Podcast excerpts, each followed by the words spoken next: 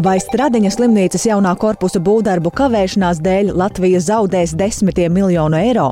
Šāds risks pastāv tādēļ nomainīta slimnīcas vadība. Padomē nevar ignorēt problēmu jautājumus un par tiem neziņot veselības ministrijai. Raidījumā pusdiena jau tūdaļ plašāk par situāciju slimnīcā. Ukraina satraukta, ka valsts aizstāvjiem drīzumā beigsies ieroči, ja ASV kavēsies ar jaunas palīdzības piešķiršanu. Skaidrosim, kā ASV prezidents Baidens plāno tikt galā ar iekšpolitisko skaidrošanos kongresā, lai Ukraiņus neatstātu bez atbalsta un konfiscēt automašīnas ar Krievijas un Baltkrievijas numuriem, ja tās trīs mēnešus nav reģistrētas Latvijā. Šādu iniciatīvu sākusi skatīt Saima, un arī par to visu plašāk jau tūdaļ raidījumā pusdiena.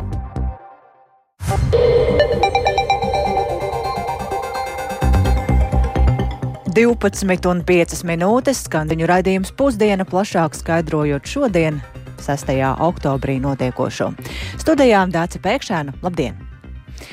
Un sākam ar ziņu par to, ka saistībā ar Stradiņas slimnīcas jaunā korpusa būvniecības kavēšanos ir atsaukta slimnīcas padome. Tās neizdarības dēļ ir risks pazaudēt 46 miljonus eiro Eiropas Savienības naudas.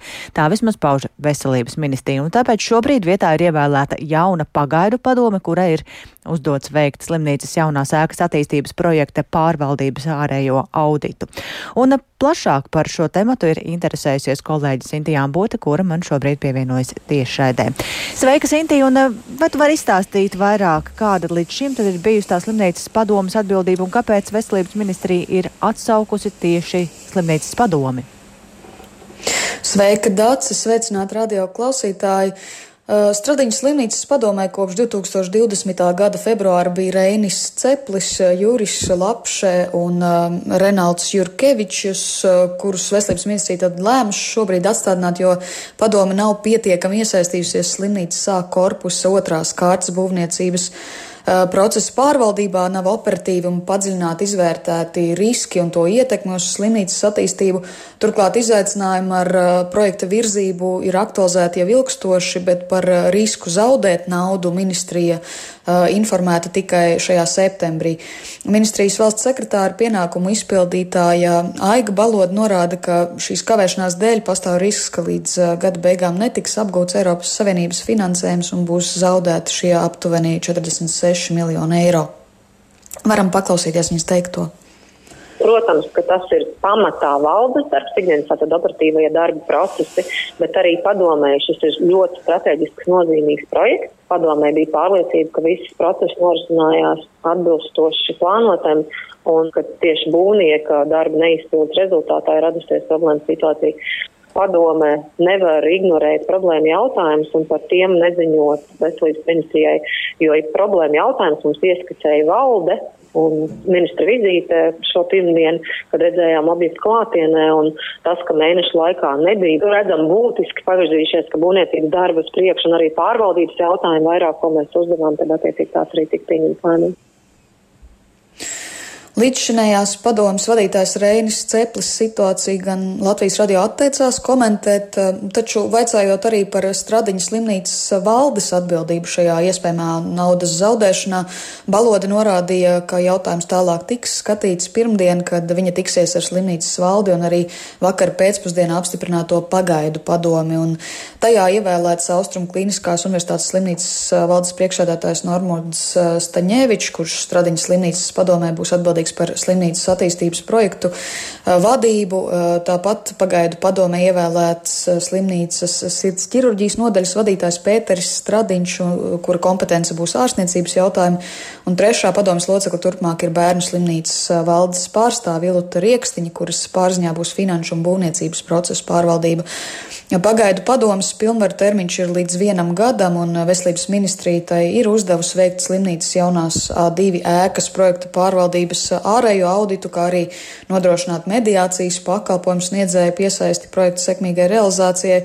Sazinājos ar Pēteri Stradiņu, un viņš pagaidām vēl nevērtēja, vai šo naudu būs iespējams nezaudēt, bet varam paklausīties viņa komentāru par darbu jaunajā padomē skaidrs, ka ir problēmas konkrēti ar A2 korpusa termiņiem, un, protams, ka tur kāda nopietna rīcība ir vajadzīga. Taču vai tieši iepriekšējais padomes darbs bija nu, tas galvenais varbūt iemesls šīm problēmām, man ir ļoti grūti komentēt no savu viedokļu. Tur ir jāskatās visa šī dokumentācija, ar ko mēs nākošu nedēļu arī nodarbosimies.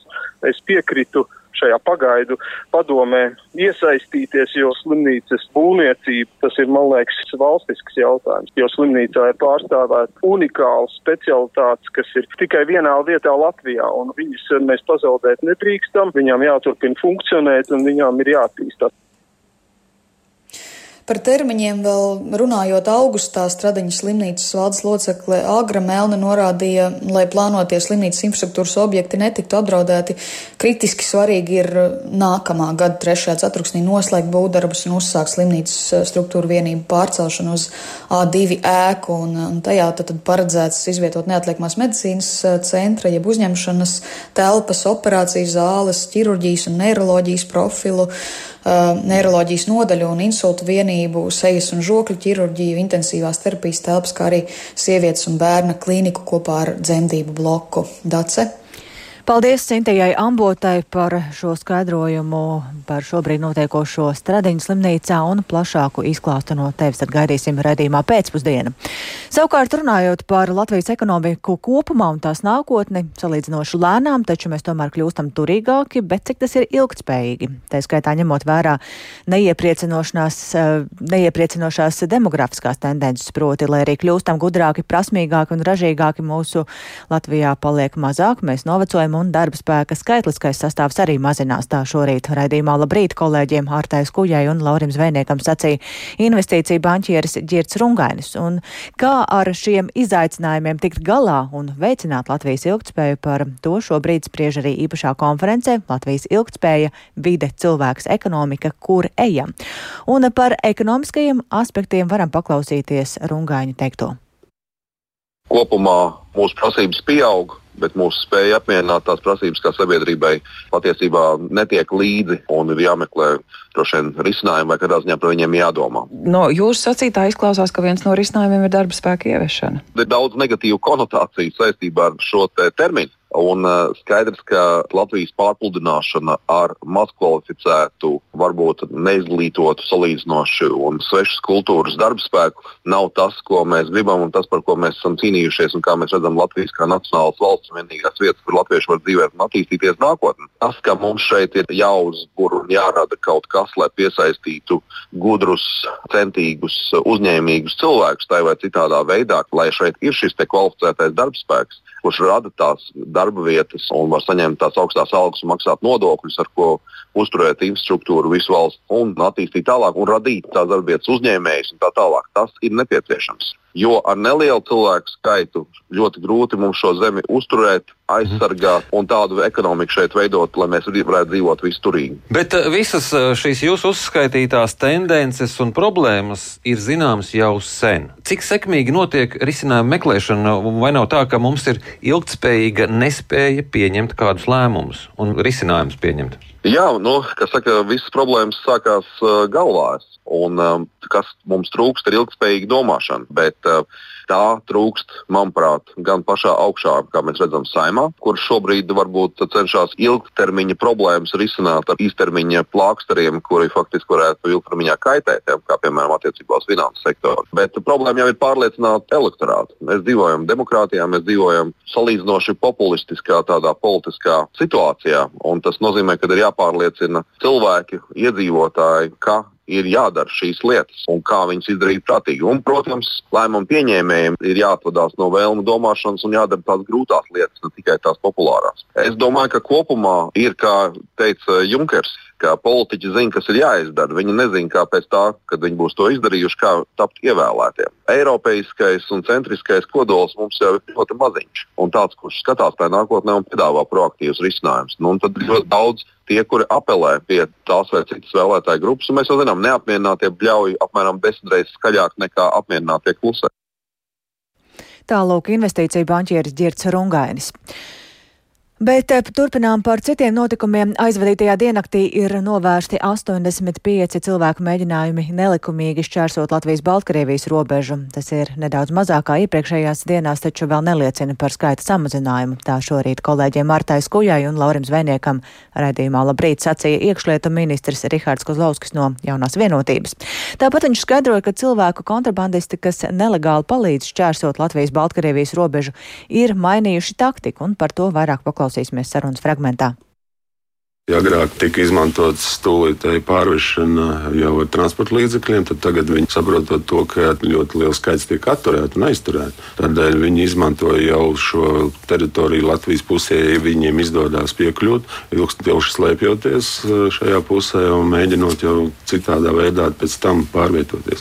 Proti, nevis uzreiz doties, bet jau, piemēram, nezinu, kaut vai nedēļu mēģināt kaut kur kaut kādā veidā slapstīties un pēc tam tikai pārvietoties. Vai arī viņi šobrīd redzot to, ka ir ļoti grūti viņus pieķert, joprojām turpinās to darīt? Ziniet, šis bizness nav apstājies, ja tā var izteikt kontrabandu. Diemžēl jau no 2010. un 2011. gada, jau 2015. gadā, mēs paskatāmies, kas notiek citur Eiropā, ja, tad diemžēl tā tas ir. Un ir pamatbūtība arī, ko Eiropas Savienībā uzsver, ir cīņa ar cēloņiem. Un cēloņi karš Ukrainā mūsu attiecīgi nostāja šajā visā Krievijas apzināta virzīšana virzīšanu, šo bēgļu virzīšanu uz Baltkrieviju un Baltkrievijas režīmu apzināta palīdzību un atbalstu tam, lai šāda situācija būtu.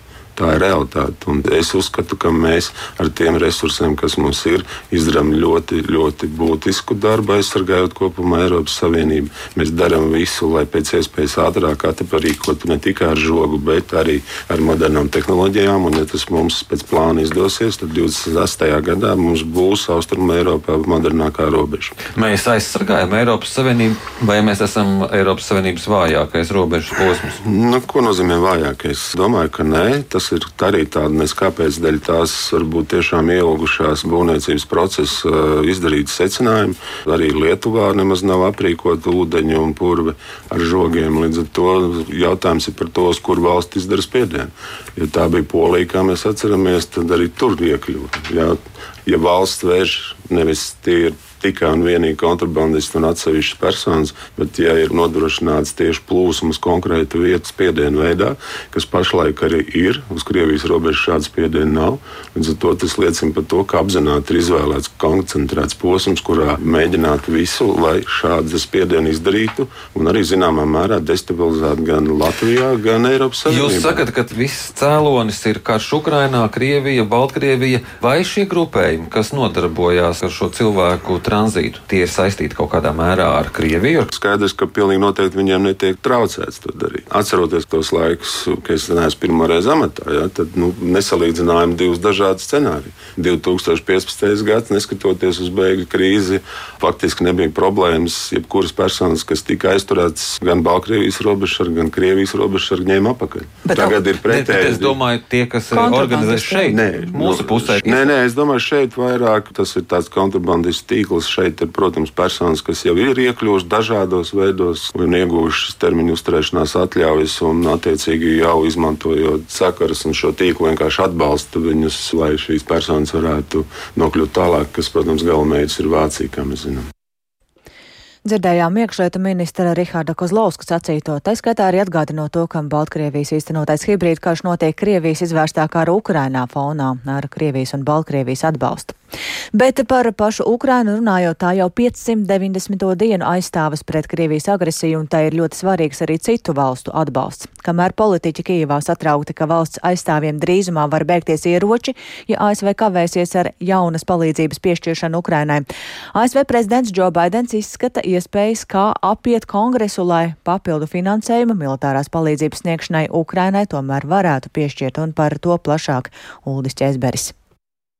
Baltais nams apsver iespēju izmantot valsts departamenta grantu programmu, lai nosūtītu Ukrainai papildu militāro palīdzību, ko pagaidām nav piešķīris kongress, vēsta izdevums Politico atsaucoties uz ASV valdības amatpersonām. Pagājušajā nedēļā kongresa pārstāvju palāta apstiprināja valdības pagaidu finansējumu, kurā nebija iekļauta palīdzība Ukrainai. Tāpēc prezidenta Džo Baidena administrācija meklē citas iespējas, lai nodrošinātu Vašingtonas solīto palīdzību Ukrainai, kam rietumvalstu piegādātie ieroči ir ļoti svarīgi, lai varētu turpināt šovasar sāktās pretuzbrukuma operācijas Krievijas okupēto teritoriju atgūšanai. Politiko aptaujātās amatpersonas apgalvoja, ka administrācija varētu izmantot ārvalstu militāro finansējumu, ko valsts departaments dotāciju vai aizdevumu veidā izsniedz partnervalstīm, lai tās varētu iegādāties ieročus un aizsardzības aprīkojumu. Baltais nams arī varētu lūgt kongresa atļauju saņemt finansējumu Ukrainas atbalstam no aizsardzības departamenta budžeta līdzekļiem citiem mērķiem. Pentagona pārstāvis Patriks Raiders sacīja, ka pagaidām nav izlemts, vai tas tiks darīts. Uh, Līdzekļu pārdalīšana vienmēr ir iespēja steidzamu vajadzību gadījumā. Tomēr šobrīd, cik man zināms, nav pieņemts lēmums par finansējumu pārdali, lai atbalstītu palīdzību Ukrainas drošībai. Mēs joprojām esam apņēmības pilni sadarboties ar kongresu, lai iegūtu papildu palīdzību Ukrainai. Uh, Kopš Krievijas pilna apmēra iebrukuma pērn 24. februārī ASV ir bijusi lielākā militārās palīdzības sniedzēja Ukrainai.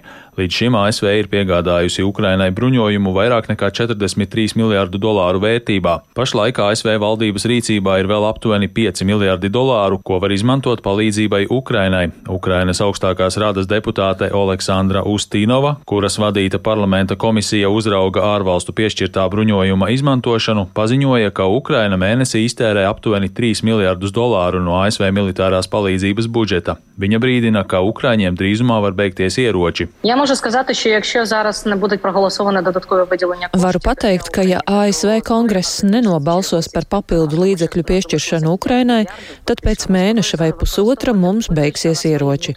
Mums ieročiem ir palikuši 5 miljārdi dolāru, kas ir Baltā nama rīcībā. Šie 5 miljārdi dolāru ir paredzēti tikai tam, lai paņemtu to, kas jau ir noliktavās ASV un piegādātu to Ukrainai.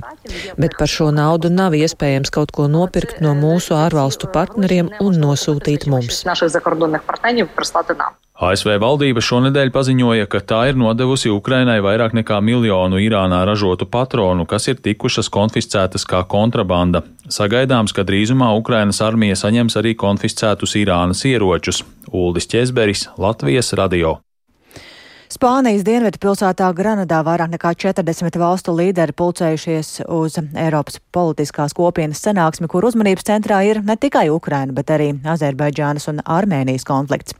Lielas cerības tika liktas uz to, ka izdosies pie viena galda apsēdināt abu valstu vadītājus un atjaunot miera sarunas pēc tam, kad Azerbaidžāna sāka militāro ofensīvu Kalnu Karabahā, un tās rezultātā no separātiskā reģiona masveidā izceļoja etniskie armēņi. Tomēr Azerbaidžānas prezidents Ilhams Alijevs nolēma nebraukt uz Granadu, skaidri parādot, ka nevēlas uzklausīt ne pārmetumus, ne Eiropas iejaukšanos.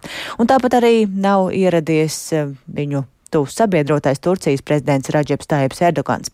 Savukārt Armēnijas premjeras Nik Nikols um, Pašiņjans Granadā cenšas panākt lielāku Eiropas atbalstu, lai arī Armēnija joprojām ir Krievijas veidotās Eirāzijas muitas savienības locekle. Un, no, protams, ka Ervāna ir vīlusies Maskavas atbalstā Precīzāk sakot, tā trūkumā tādēļ arī arvien aktīvāk meklē draugus rietumos.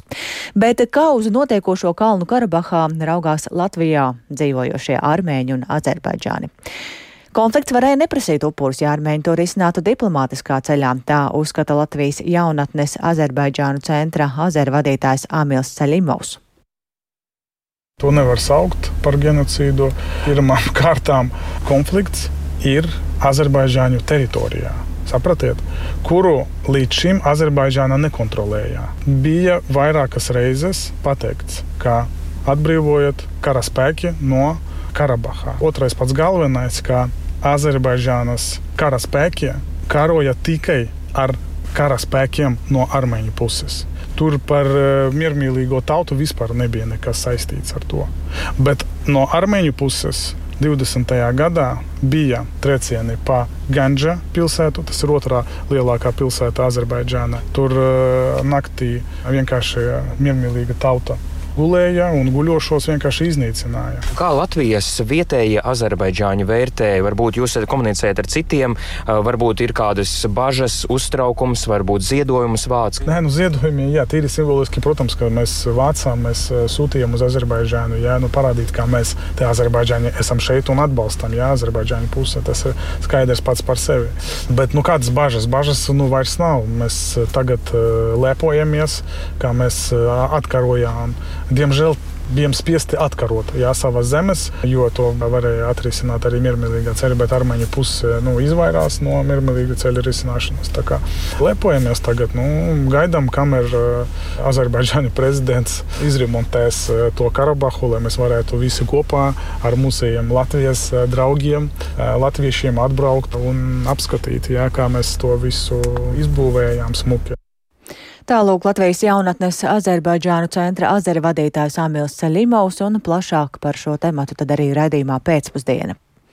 Bet, lai Latvijā nevarētu pārvietoties ar Krievijā un Baltkrievijā reģistrētiem transporta līdzekļiem, saimā skatīs grozījumus ceļu satiksmes likumā, paredzot divas iespējas. Šādus autoru Krievijas un Baltkrievijas numuriem, kas te atrodas ilgāk par trim mēnešiem, pārreģistrēt Latvijā, vai arī otra iespēja tiem ir jāatstāj Latvija. Un tas ļautu policijai no 13. decembra konfiscēt Latvijā vēl esošus spēkratus ar abu valstu numuru zīmēm un nodot tos izsolē vai arī ziedot Ukrainai. Paredzams gan, ka ar Krievijā un Baltkrievijā iegādātu auto reģistrēšanu Latvijā varētu arī būt papildu sarežģījumi atšķirīgu izmešu normu dēļ. Bet kādi vēl izaicinājumi varētu būt saistībā ar šo ieceri, ir gatavs stāstīt kolēģis Jānis Kīncis, kurš šobrīd pievienojas tiešēdē. Sveiks, Jāni! Un jāteic, ka līdz decembra vidum tomēr laika maz, vai saima šādu priekšlikumu pagūs laikā pieņemt? Jā, sveicināti! Šos likuma grozījumus deputāts Andris Kulbergs no apvienotā saraksta saimnes sēdē vakar pieteicis tieši ar piebildi, ka laika nav daudz, deputāts arī ir apsteidzis Tieslietu ministriju, kas līdzīgi regulējumi jau bija sākus gatavot. Tā lietas būtība ir tāda, ka Ceļu satiksmes likums jau sen noteica, ka Latvijā trīs mēnešu laikā ir jāpāreģistrē ārvalstīs reģistrēti transporta līdzekļi, taču tas bieži netiek izdarīts. Un, taču pat labam atskaites moments ir 12. septembris, kad ir pieņemta Eiropas komisijas regula. Kopš šī datuma noteikts liegums iebraukt Latvijā ar Krievijā un Baltkrievijā reģistrētiem spēkratiem, kā arī ir uzdots šo valstu auto pāreģistrēt Latvijā trīs mēnešu laikā. Un regula Krievijā un Baltkrievijā reģistrētos automobīļus noteica par Eiropas Savienībā sankcionētām vienībām attiecīgi No 13. decembra, kad būs apritējuši trīs mēneši, kopš 12. septembra, policija tos varēs konfiscēt. Un saimā skatāmie likuma grozījumi paredzēs nepāreģistrētos auto, kā jau saku, konfiscēt un nodot izmantošanai Ukrainā kā, kā tas ir līdzīgi kā par braukšanu reibumā, atsevinātās automašīnas vai arī tās izsolīt. Likuma grozījums patiešām jāpagūst izskatīt un pieņemt īsā laikā, lai decembra vidū tie jau stātos spēkā. Tomēr ir arī tieši ar šī likuma izmaiņām nesaistīti papildu sarežģījumi. Auto pārreģistrēšanā problēmas radīsies, jo jaunākiem spēkratiem atšķiras izmešu prasības Krievijā un Eiropas Savienībā. Lūk, deputāta Andra Kolberga teiktais pie noteikta vecuma automašīnām, ko Eiropā pie mums paredz, ka viņai ir jābūt Eiro 6, Krievijā viņi vēl joprojām bija Eiro 5. Rezultātā tās mašīnas tehniskās prasības tam gadam viņas neatbilst. Nu, un tur radīsies problēmas. Otrs variants tad iet individuālo certifikāciju. Tāpat kā šobrīd amerikāņu mašīnas vēd iekšā, ja? tieši uz katru mašīnu ir jāveic individuālā certifikācija, kad tieši konkrēti tiek pārbaudīti mēzgli, kā apgaismojums, bremzes, kas vēl atgāzes. Jāiet ir individuālā certifikācijas process, kas ir dārgs, ķiperlīgs, bet ir iespējams. Runājot par eh, sagatavotiem likuma grozījumiem, eh, Kolbergs arī atgādina, ka ļoti bieži ir situācijas, ka ar šādiem Latvijā nereģistrētiem automobīļiem bieži fiksēti ceļu satiksmes noteikumu pārkāpumi, un automašīnas arī novieto neatļautās vietās, un par to piespriestos administratīvos sodus pārkāpēji nesamaksā. Un uzdevums šos auto reģistrēt Latvijā novērstu arī šīs nejēdzības, un turpmāk arī ļautu iekasēt piemērotos sodus, jo auto reģistrēt Latvijā.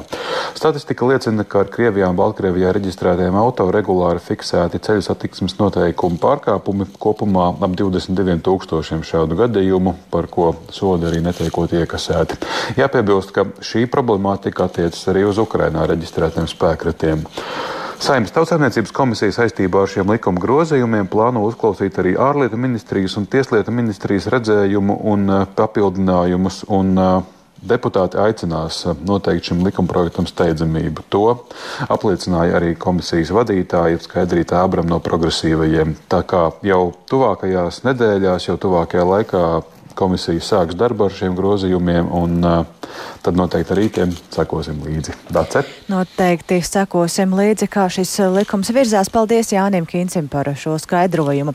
Un vēl piebildīšu, ka tikko esam uzzinājuši arī galvenās Nobela prēmijas ieguvēju Nobela miera prēmiju šogad saņēmusi Irāņu cilvēktiesību aktīviste Nargesa Mohamadī par viņas cīņu pret sieviešu apspiešanu Irānā un iestāšanos par cilvēktiesībām un brīvībām Irānā. Tā ir paziņojusi Norvēģijas Nobel komiteja. Un šī gada Nobel miera prēmija ir veltīta simtiem tūkstošiem irāņu, kuri pagājušajā gadā piedalījās plašajos protestos pret Irānas teokrātiskā režīma politiku, kas ierobežo un apspiež sievietes. Un ar to tad arī skan raidījums pusdiena, ko producēja Ilze Agīnta, ierakstus montēja Renārs Šteimanis, par labskaņu rūpējās Jāna Dreimane un ar jums sarunājās Dāca Pēkšēna. Raidījums pusdiena arī Sevērtā laikā Latvijas radio mobilajā lietotnē meklējot dienas ziņas un tāpat arī sekojiet līdzi LSMLV.